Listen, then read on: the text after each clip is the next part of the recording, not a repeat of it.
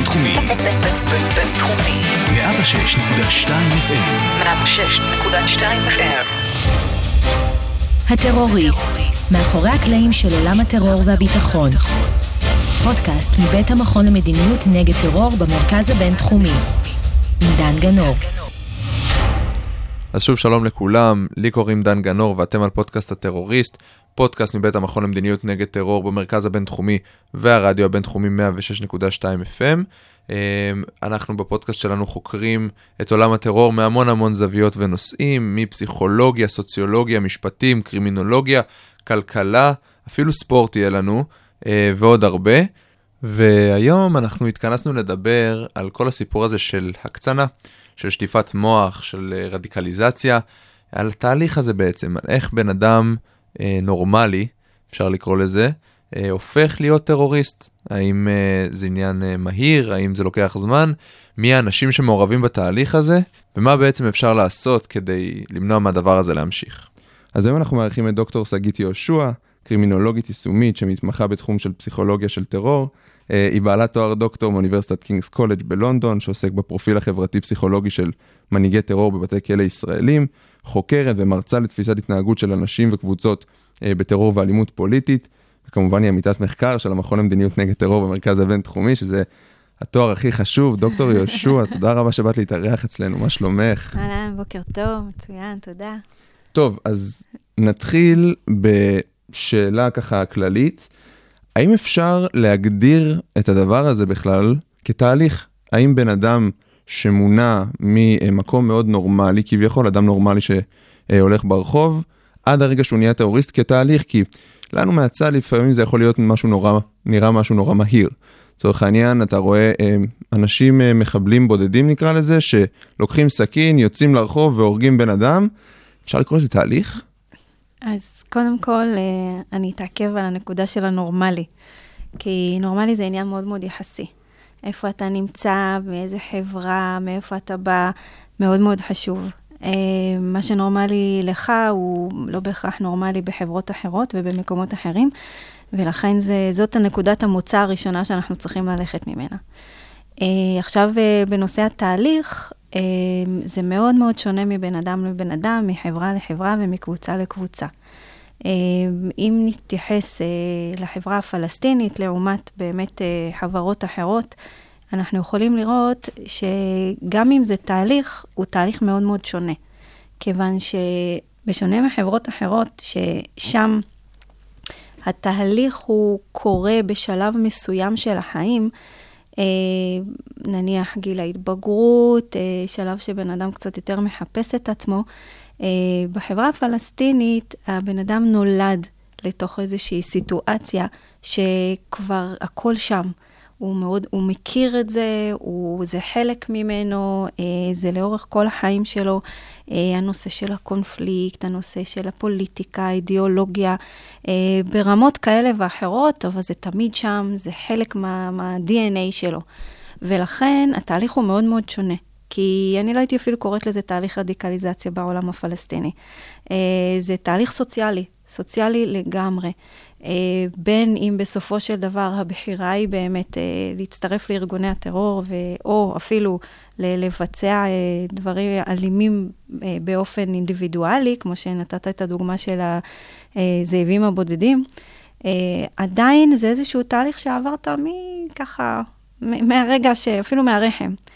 אה, ולכן זה תהליך מאוד מאוד מעניין ומאוד מאוד שונה. והשאלה היא לא התהליך במקרה הזה, אלא השאלה היא באמת, מהם אירועי החיים שהבן אדם עבר, איזה דברים אה, ככה אה, הובילו אותו, איזה חינוך הוא קיבל, אה, את מי הוא הכיר בדרך, אה, מה השפיע עליו, מה השפיע עליו פחות, וזה בעצם התהליך שאנחנו ככה... זאת אומרת, התהליך של הבן אדם, תהליך החיים שלו. בדיוק. בדיוק. זה מה שיוביל אותו בסופו של דבר. עכשיו, זה יכול להיות הרבה פעמים טריגרים. זאת אומרת, התהליך כבר קיים, ואיזשהו טריגר, בין אם טריגר מאוד טראומטי, בין אם טריגר אפילו אחר, חברתי, או לפעמים זה אפילו גם טריגר מאוד מאוד חיובי, שיכולים להוביל את הבן אדם פתאום אה, לעשייה mm-hmm. ולפעולה. עכשיו, אני רוצה להשוות את זה לתהליכים אחרים שעוברים uh, בעולם, כמו שאנחנו רואים היום, הלוחמים הזרים שמצטרפים לדאעש, או, או אפילו uh, ככה בכל העולם אנחנו אותם רואים אה, אותם. בלגים, אוסטרים, שוודים, צרפתים, שאורזים גרמנים. מזוודה וטסים לעראקה בסוריה. בדיוק, בדיוק, או לחילופין, אתה גם יכול לראות בארצות הברית את, אה, את הימין הקיצוני, שככה בעלייה מאוד מאוד אה, גבוהה היום, אה, בצורה מאוד מפתיעה, יש להם את אותם מאפיינים. מהמם. ושם, זה שוב, זה לא משהו שאתה נולד אליו, כמו התהליך שדיברנו עליו בחברה הפלסטינית. פה אנחנו מדברים על אנשים שנולדו בחברות שונות, אה, שוב, אני לא אומרת נורמטיביות כאלה ואחרות, אבל אני אומרת חברות אה, ככה אה, שונות ובמאפיינים שלהם, בתרבות שלהם, בהתנהלות תכף שלהם. נתעכב באמת על ההבדל הזה, כי הוא מרתק בין אה, חברה שהיא יותר שמרנית, ערבית, אה, מזרחית, לבין החברה הליברלית, אה, שממנה גם יוצאים טרוריסטים. אבל אני רוצה להתעכב על משהו אחד שאמרת לפני, את התייחסת לזה שבן אדם נולד לזה. לפחות בחברה הפלסטינית, הבן אדם נולד לתוך הסיטואציה הזו אה, שמעודדת את זה. אז זה נשמע קצת כאילו זה מכתוב, כאילו אה, זה גזירה משמיים. האם יש אנשים בדרך או גורמים שזה האינטרס שלהם, והם מקדמים את זה, והם נוקטים באמצעים מסוימים כדי לגרום לבן אדם לא להיות אדם שבסוף לא מבצע פיגוע, כי הרוב הרי לא מבצעים פיגועים, אלא בסוף כן לבצע. אז קודם כל, אני לא אמרתי שהסיטואציה מעודדת. Hmm. אני אמרתי שהסיטואציה מכניסה אותך לתוך איזושהי אה, ידיעה, מודעות מהמם. לדברים, אוקיי? עכשיו, כמו שאתה אמרת, הרוב לא מבצעים את הדברים האלה, והרוב לא הולכים לארגוני הטרור, אבל אין מה לעשות, אצל, ה, אצל כולם יש את הידיעה הזאת, יש את, ה, את המקום הזה המודע מאוד מאוד למי אני. אה, יש זהות מאוד מאוד חזקה, שהיא שונה מתהליכי רדיקליזציה אחרים. זהות מאוד חזקה, אה, ידיעה של אני פלסטיני, נולדתי לתוך הסיטואציה הספציפית הזאת. השוני הוא באמת, אה, שום דבר לא מכתוב. כמו שאמרתי לך, כל אחד יהיו לו תהליכי חיים אחרים, אירועי חיים אחרים, והם אלה שיובילו אותו. אני חושבת שמה שכן חשוב זה הנושא של החינוך. הנושא של מה אתה, Mhm. איך, איך הדברים האלה מוצגים, מה הם לומדים. Uh, לצערי, ב- בהרבה מהמקומות החינוך הוא כן uh, חינוך ש, uh, של אפליה וחינוך של שנאה, ו, ו, ופה לדעתי הבעיה העיקרית, ב- ב- בכל החברות, כן? גם אצלנו, גם אצלהם, uh, אין מה לעשות. החינוך הוא... uh, בהרבה מקומות מאוד מגמתי, וזאת הבעיה העיקרית, לדעתי. חינוך פורמלי, או חינוך שבא מהבית, או גם וגם? גם וגם. מהמם. גם וגם. אין ספק, אין ספק. ו- מה שאנחנו רואים בבית, אה, מה שההורים שלנו, איך הם מדברים על הדברים, איך הם מעבירים את הדברים, אה, אתה יודע, בחברה ימנית לעומת שמאלנית, הדברים, הדברים הם מאוד מאוד שונים. אה, אני, אני רואה איך מדברים אצלי בבית, אני רואה איך אה, אה, במקומות אחרים, אה, גם כשאני נמצאת בחו"ל, זה, זה מאוד אה, ככה משפיע. על, אה, על הלך הרוח של ילד, של מתבגר, של... וכשאתה נולד לתוך סיטואציה, אז, אז, אז זה פשוט שם. כמו שאמרתי, כשאתה גר, חי באירופה, אתה יכול להגיע לגיל מסוים, שרק אז אתה תתחיל לשאול שאלות. Mm-hmm. ורק אז אתה אתה תרגיש פתאום, רגע, אני צרפתי, אני מרוקאי, מה אני בעצם, מי אני? אף פעם לא הייתי במרוקו, אבל פה בעצם אני לא מרגיש כל כך צרפתי, כי לא מתייחסים אליי כמו צרפתי, מתייחסים אליי כמו למהגר. זה ממש משבר זהות. משבר זהות מאוד קשה. ואז אתה מתחיל לחפש. וכשאתה מתחיל לחפש, אז אתה יכול להגיע למקומות שיכולים להיות מקומות מאוד מאוד מאוד קיצוניים. אה, וזה בדיוק התהליך הרדיקליזציה שאנחנו מדברים עליו. דאעש יודע בדיוק מי הם האנשים האלה, ככה הוא מכוון טוב טוב, הוא מוכר להם בצורה מאוד מוצלחת את מה שהם מחפשים, מה שהם רוצים יודע איך לשמוע. לפרוט להם על המיתרים הנכונים. בדיוק, את העצמה הזו שהם צריכים, את הזהות החזקה הזו שהם צריכים, את השייכות הזו שהם צריכים. הוא ככה ידע יפה מאוד איך לעשות את זה, הוא בנה את זה בצורה מאוד יפה, והעובדה שהתופעה הזו הצליחה לנהור אחריה אה, מספר מאוד מאוד גדול של אנשים, שפשוט עזבו את הבית שלהם. עכשיו דיברת על המהירות של התהליך, אז לפי מחקרים, אה, הרבה מהאנשים עד שנה מהיום שהתהליך התחיל כבר עזבו את הבית שלהם. ונסעו לסוריה, שזה וואו. מטורף, מטורף. אה, אבל יש כאלה גם של שנתיים, ויש כאלה אפילו פחות. אז, אז זה תהליך מאוד אינדיבידואלי, כל אחד עובר אותו מהמם. אחרת. מאוד חשוב באמת מה היסטוריית החיים של הבן אדם, והרבה פעמים גם שואלים אותי, מה, מה, מה השוני בין אלה שבסופו של דבר חזרו בחזרה? זאת אומרת, אה, גם טרוריסטים שאנחנו מכירים, שרצו לבצע פיגוע ולא ביצעו, או כאלה שרצו, ל... עברו את התהליך רדיקליזציה, אבל בסופו של דבר לא ממש מה, הצטרפו מה לארגון. הדלתא, כן. ואני חושבת שהנקודה החשובה פה, וזה נקרא Protective Items, בעצם האמצעים החיוביים שיש לבן אדם בחיים, והמשקל שהם נותנים, זאת אומרת, אם לבן אדם יש הרבה יותר גורמים שליליים בחיים שמובילים אותו, את התהליך הזה, אבל יש לו גם מספר גורמים חיוביים, אם זה נניח משפחה תומכת, או איזושהי תמיכה ממקום אחר, אה, הצלחות מסוימות בחיים. הגורמים החיוביים האלה, הם הגורמים, עליו, בדיוק, הפרוטקטיב. הממתנים. הם מהמם. הגורמים הממתנים, וככל שבן אדם יש לו יותר גורמים ממתנים, אז, אז אה, חיוביים, אז זה בן אדם שיש מצב שהוא גם יחזור אחורה, או יעבור תהליך של דה-רדיקליזציה, אה, לעומת כאלה שלפעמים אה, באמת ניחנים בהרבה פחות גורמים חיוביים בחיים. כן. אני רוצה רגע לחזור שוב לעניין שדיברנו על החינוך, כי זה מעלה לי איזושהי שאלה, אמ, דווקא באמת בעולם של הטרור הימני קיצוני, ולחבר'ה שפחות מכירים, אנחנו טיפה נסביר, זו תופעה שאנחנו רואים בשנים האחרונות, קודם כל, אה, לא, לא מאוד חדשה, אבל בשנים האחרונות מאוד הועצמה, אה, גם באירופה, גם בארצות הברית, גם אה, באוסטרליה, של מפגעים אה, בעלי אידיאולוגיה ימנית קיצונית, שסולדת מהתחברות לזר, מרב תרבותיות, בעצם שומרת על ה...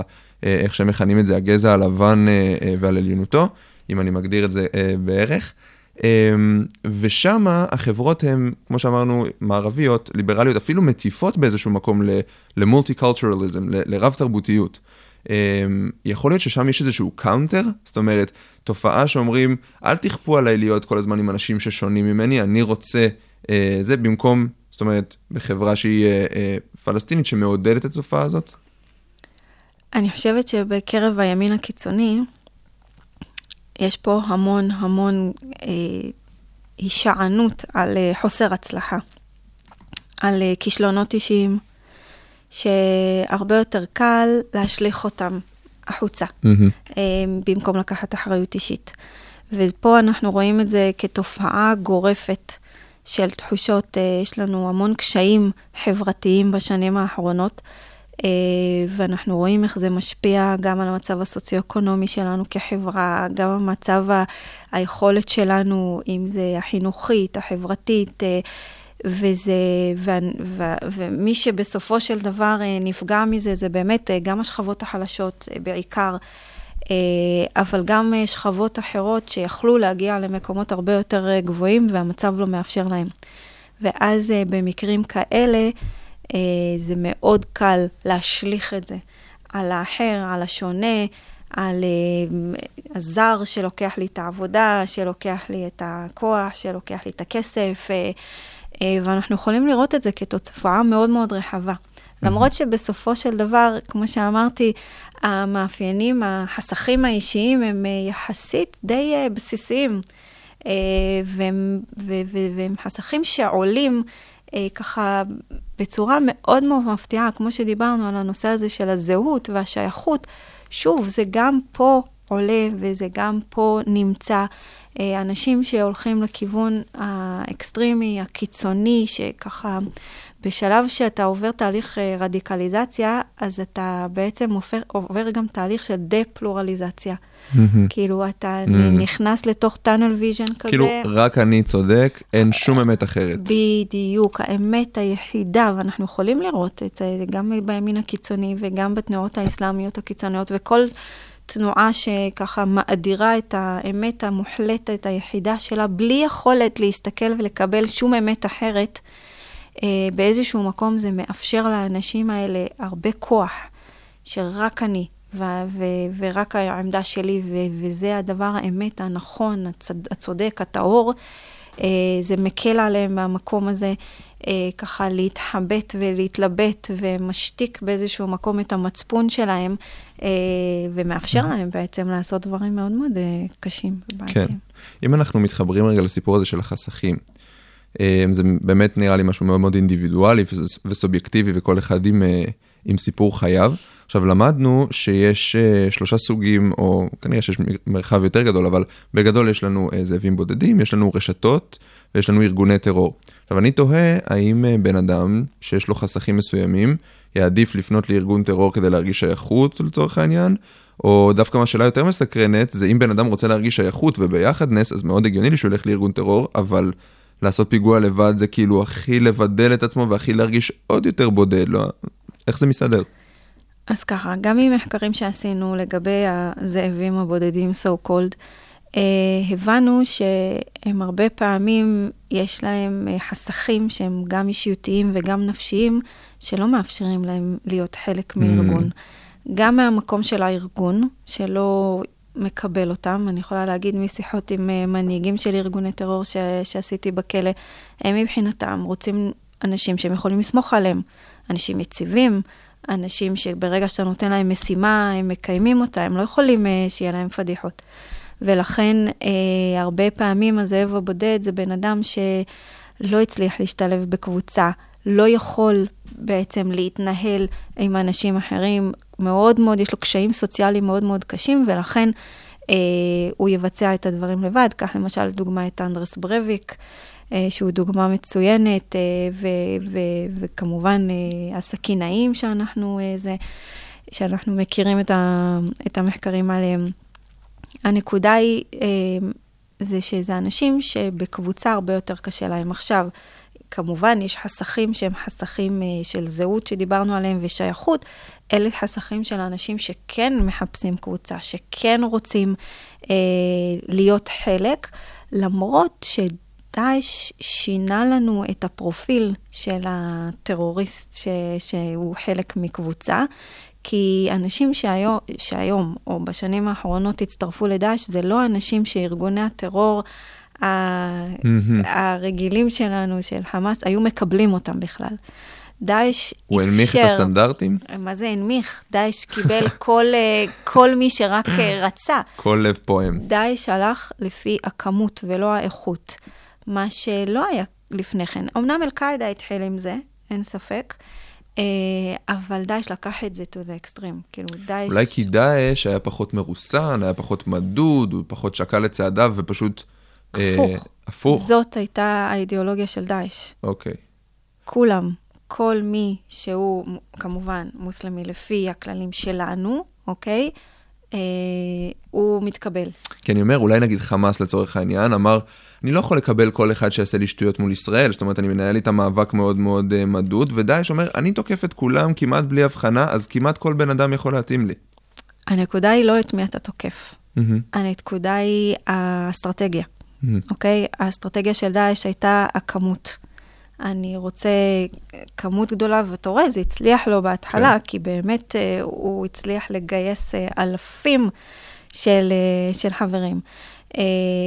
אבל הנקודה ולדעתי זה גם היה עקב אכילס שלו, שהוא נפל בסוף. כי, כי האנשים שהצטרפו אליו, אליו לא היו אנשים שבאמת, אנשים שאפשר ללכת איתם למלחמה בסופו של דבר, חלקם כן, אבל חלק גדול מהם לא. ולכן חלק גדול מהם חזרו, אה, כמו שאנחנו קוראים להם מה, מהאידיאולוגיה. התפכחו. חלק התפכחו, חזרו, חלק אה, מתו כבר שמה, אם זה על ידי הארגון ואם זה כתוצאה מהמלחמה. סיבות מצערות. בדיוק, אה, ו- ופה הוא נפל. הוא נפל על האנשים. מהמם. מה שאם תסתכל חמאס, כן, אה, חמאס זה ארגון שמצליח כבר יציב. הרבה זמן, אה, בהתחלה ללא כל תמיכה. אה, אה, אנשים אה, מאוד אה, מעריכים את חמאס, את האידיאולוגיה שלו, את האנשים שמנהלים אותו, את חוסר השחיתות.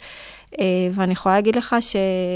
שחמאס אה, לאורך זמן אה, היה מאוד קשה להתקבל לארגון. וזה... זה נהיה אקסקלוסיבי. וזה אחת הנקודות. זאת מהמם. אחת הנקודות שהיא מאוד מאוד רלוונטית. כן. אז האיכות של האנשים והאידיאולוגיה ואיך היא מחזיקה. אני חושבת אה, שבקרב אה, הארגונים היום, גם הרשתות שאתה מדבר עליהן, האידיאולוגיה היא רק תירוץ. בדיוק באתי לשאול. אנחנו מדברים על חסכים פסיכולוגיים, סוציאליים, איפה האידיאולוגיה נכנסת? בדיוק, האידיאולוגיה היא תירוץ. היא תירוץ אה, כדי שתוכל לעשות את כל הדברים שאתה רוצה לעשות, וכדי להתחבר ולהשתלב ו- ולכסות אה, על החסכים שיש לך, אתה משתמש באידיאולוגיה. אבל עובדה שגם בקרב הלוחמים הזרים, וגם אצלנו, אם אתה תראה, בקרב אה, אה, חבר'ה של תג מחיר, אה, ברגע שהם נכנסים לכלא, אחוז הרצידיביזם, זאת אומרת, החזרה לפשיעה, הוא מאוד מאוד נמוך. וואלה. וזה זה, זה, זה, זה מאוד מפתיע אנשים, אבל זה לא הטרוריסטים האידיאולוגיים שאתה מכניס לכלא והאידיאולוגיה נשארת איתו גם כשהוא יוצא החוצה. זה חבר'ה שהשתמשו באידיאולוגיה כ- כ- כתירוץ לחפות אחר אחר החסכים שלהם. כשהם נכנסים לכלא הם הבינו, הם מבינים שהאידיאולוגיה לא הובילה אותם לשום מקום טוב, ובאופן אוטומטי הם, הם משתחררים ממנה. את חושבת שניתן להבחין בין סוגי האנשים האלה, בין אותם אידיאולוגים לבין אותם... לגמרי. כן? לגמרי. איך? לגמרי, לגמרי. אתה רואה קודם כל לפי המעשים שלהם, אתה רואה לפי העבר שלהם. העבר שלהם וההתנהלות שלהם לאורך החיים יכולה להצביע במדויק mm-hmm. על דרך הפתרונות שלהם, אה, לפתור קונפליקטים, על הדרך שלהם להתמודד עם דברים. אתה רואה אם בן אדם מתנה... מתמודד לאורך כל החיים שלו בצורה מסוימת, אז זו גם הדרך שהוא יתמודד בה. אה, אבל אם בן אדם, הוא, יש לו אידיאולוגיה מאוד חזקה, וזו גם הנקודה להזכיר אה, את האידיאולוגיה עצמה, כי זה מעניין לראות איזה תהליך זה עבר, כי בעבר, אה, בשנות ה-70, אפילו ה-80, אה, התמודדנו באמת עם אה, טרור שהחזיק באידיאולוגיות מאוד מאוד צדקניות, מאוד חזקות, מאוד חברתיות. אם זה הטרור הסוציו-אקונומי, שרצו להחליף משטרים מושחתים, ו- ואם זה גם הטרור הלאומני, אנשים שרצו להשתחרר מכיבוש. אנשים באמת פעלו למען החברה שלהם, הקריבו את עצמם, את החיים שלהם, ו- ובאמת באו מתוך אידיאולוגיות חזקות. אה, לעומת היום, אה, שכמו שאמרתי, אידיאולוגיה משמשת רק כתירוץ. אין פה ניהול משא ומתן עם טרוריסטים. פעם יכולת לנהל את המשא ומתן, אה, אתה יודע, כי, כי מה שהם רצו, הצרכים שלהם היו טנג'יבל, הם היו משהו שאתה יכול להתמודד איתו, הם צריכים כסף, הם צריכים אה, אה, לשחרר אסירים, הם צריכים... אז גם, וה- אם, גם? אם היו חוטפים מטוס, אף אחד לא נפגע, כן? היום כשטרוריסט עולה על מטוס, האינטרס הוא קודם כל to kill, then speak, אוקיי? kill כן. first, אה, speak later, זה, זה הרעיון. Uh, ברגע שהוא עולה על מטוס, הוא לוקח איתו את כל המטוס, אין פה ניהול משא ומתן, אין פה... אני רוצה קודם כל להראות את כוחי ואת עוצם ידי, ו- ואחר כך... אה, זאת אומרת, לספק את הצרכים האישיים אה, שלו, יותר מאשר האידיאולוגיה. הצרכים האישיים הם כבר, אתה יודע, הרציונליזציה כבר עובדת. כן. אה, אנחנו מתמודדים היום עם טרור שאין פה רציונליזציה, אין פה, אין פה עם מי לדבר, אין פה ניהול משא ומתן, אין, אין, מה- אין, אין מה, מה לעשות, ובגלל זה הרבה פעמים אומרים, טוב, אז פשוט צריך למחוק את כולם, וזהו. אבל זה, זה, זה גם כן לא הגיוני. ועכשיו פתאום עולה בעצם, עולה הצורך אה, להבין את הראש. וברגע שאתה, שזה מה שאני... ברגע שאתה מבין איך הם חושבים. בדיוק, ברגע שאתה מבין עם מי אתה, עם מי אתה, עם מי יש לך עסק. אני, דבר ראשון שאני עובד- עומדת מול כ- כזה טרוריסט, אני צריכה להבין מה מניע אותו. האם הוא באמת אידא, איזה אידיאולוגיה או זה חסכים. ברגע שהבנתי את ההבדל, אני יכולה לעבוד מולו. אם זה חסכים, הרבה יותר קל לי, כי אני בעצם יכולה לתת לו פה פתרונות לחסכים האישיים שלו. ברגע שזה נענה, אז, אז זה הרבה יותר קל. אז עכשיו באמת יש המון תוכניות של דה-רדיקליזציה בעולם, תוכניות של שיקום של טרוריסטים שלא ממש ממש מצליחות. ואז באים ואומרים, אה, אז אי אפשר לשקם טרוריסטים.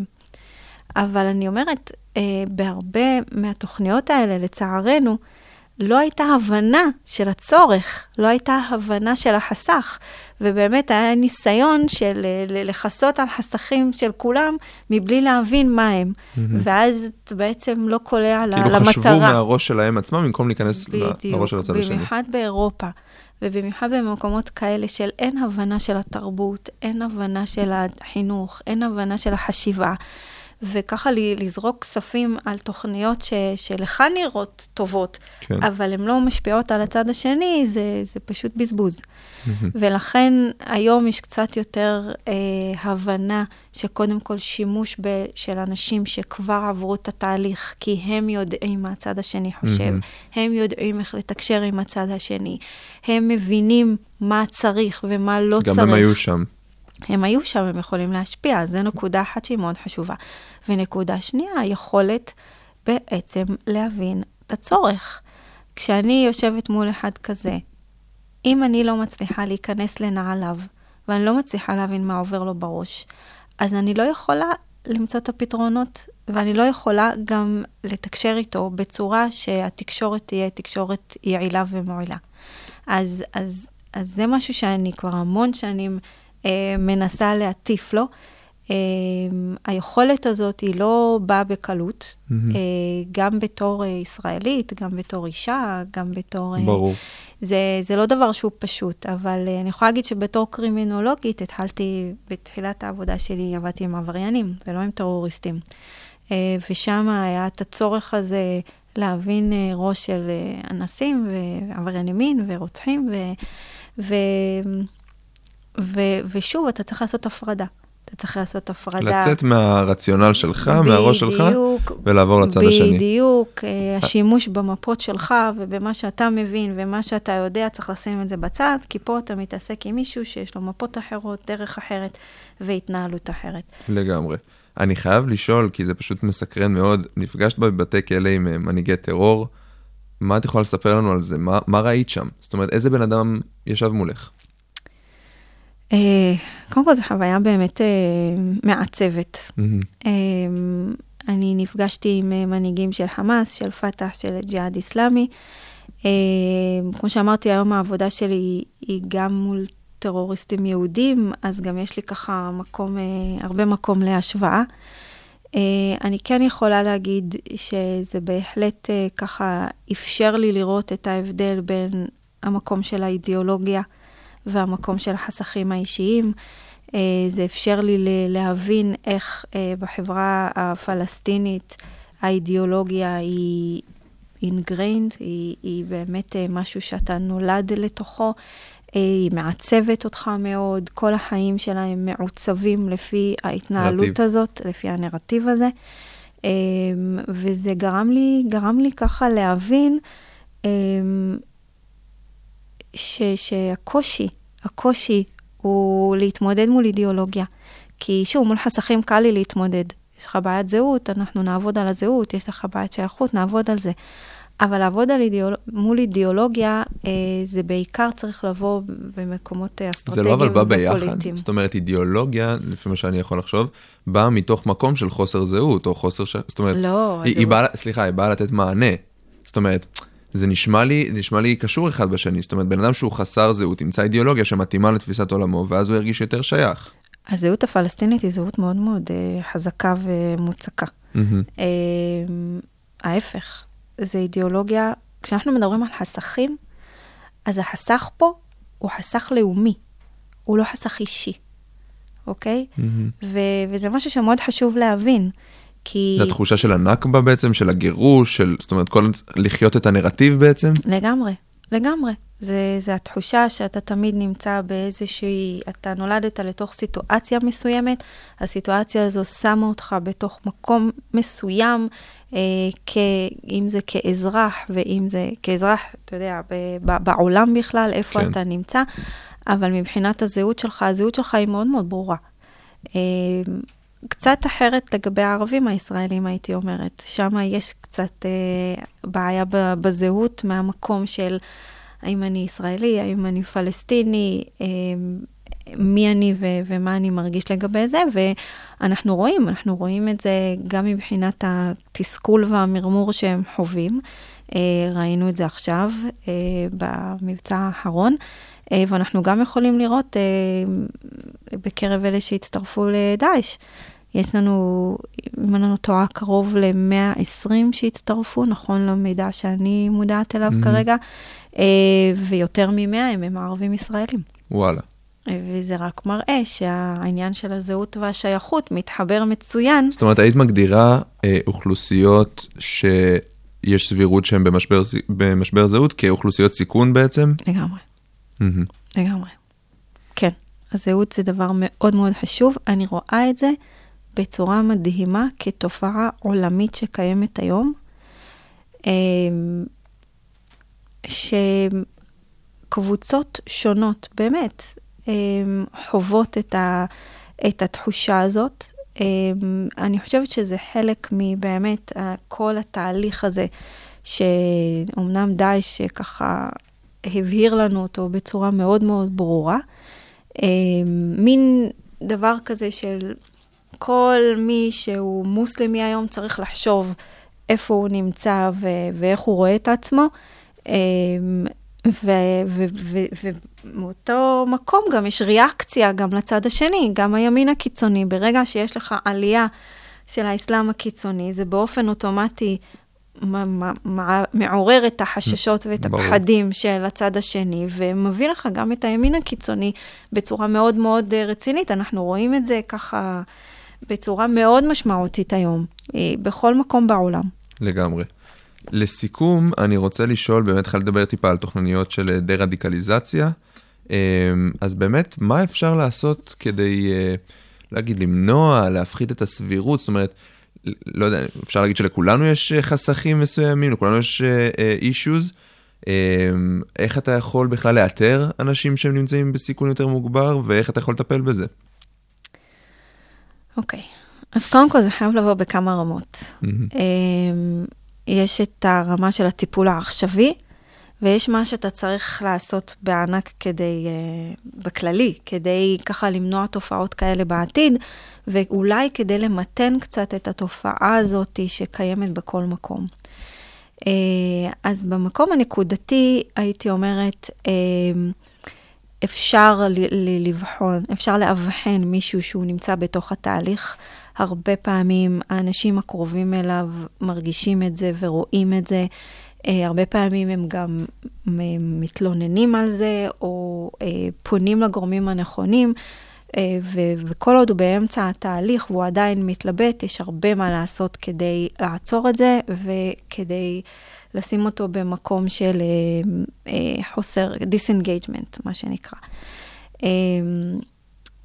באופן היותר כללי של הדבר, אה, אני חושבת, אה, ובנוסף לזה, הנושא של תוכניות אה, של שיקום, mm-hmm. מאוד מאוד חשוב שהן יהיו מדויקות ונכונות לבן אדם. צריך לאבחן טוב טוב מה המניע, איפה הבן אדם נמצא בתהליך ומה הוא בדיוק צריך. לא לזרוק עליו את כל התוכניות שקיימות ולהגיד לו, קח, ת, ת, תשתקם. לראות מה הוא צריך, להתאים לו בדיוק. הרבה פעמים זה מאוד מאוד חשוב, השילוב, ניואנס, כן. השילוב okay. של הדברים, אם זה גם בקטע הסוציאלי, אם זה גם בקטע הפסיכולוגי, אולי תעסוקה, ככה לתת לו את, המר... את ככה איזשהו, לשלב את כל הגורמים שצריך ול... ול... ולספק את זה, ז... זאת הנקודה, ו... וזה יצליח. אה, באופן היותר כללי, לדעתי, אנחנו חייבים, חייבים לעבוד ולהכניס בפן החינוכי את כל הנושא של אה, פלורליזציה, של קבלת האחר, של העניין הזה של הזהויות ואיפה הן נמצאות. אה, צריך מאוד לחזק את הנושא הזה בחברות. בדיוק בחברות שהן הרבה יותר מגוונות. אני חושבת שבאירופה זה היה ברור כל השנים שה... המדיניות שלהם, הפוליסיס שלהם, הן מאוד מאוד uh, בעייתיות uh, בכל מה שקשור להגירה.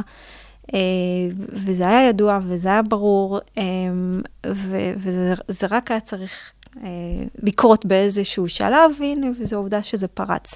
זה פורץ פחות במקומות ש, שכן המדיניות שלהם. תראה בארצות הברית למשל, שזו מדינה שהיא מושתתת על מהגרים, ולאורך כל השנים אה, המדיניות הגירה שלה, כמו גם אצלנו, mm-hmm. נחשבת להרבה יותר אה, טובה ובסיסית. עזוב מה שטראמפ עשה בארצות הברית, אני שמה את זה בצד כרגע, שמה את זה בצד, אבל עד טראמפ כן היה, אה, כן היה תחושות שמוסלמים הרגישו הרבה יותר אמריקאים, אה, וזה משהו שצריך לשמר. לשמר. את הנושא הזה של אה, המהגר, השוויון, היכולת, כאילו, לאפשר לו לעבוד, לאפשר לו להרגיש חלק מהחברה בכל חברה שהוא נמצא. זה משהו ש... שבהחלט חשוב ורלוונטי בכל חברה וחברה, גם אצלנו. דוקטור שגית יהושע, תודה רבה, נהניתי מאוד, אני מקווה שגם המאזינים שלנו, ותודה רבה שבאת. גם אני, תודה רבה לך, שבת שלום. שבת שלום. אז היום הבנו שהשאלה החשובה בניסיון להבין איך אנשים נהיים טרוריסטים, היא בעצם למה. מה מוביל אותם לשם? מה הסיבות האישיות והחסכים הנפשיים שמניעים אותם אל עבר הפיגוע? למדנו שכמו שזה קורה בטרור מוסלמי, זה גם קורה בטרור ימני וסוגים אחרים, ושבסוף אין ברירה, אלא פשוט להיכנס למוחו של הצד השני ולהבין יותר טוב למה הוא עשה את זה. תודה רבה שהצטרפתם אלינו לעוד פרק של הטרוריסט, נתראה בפעם הבאה.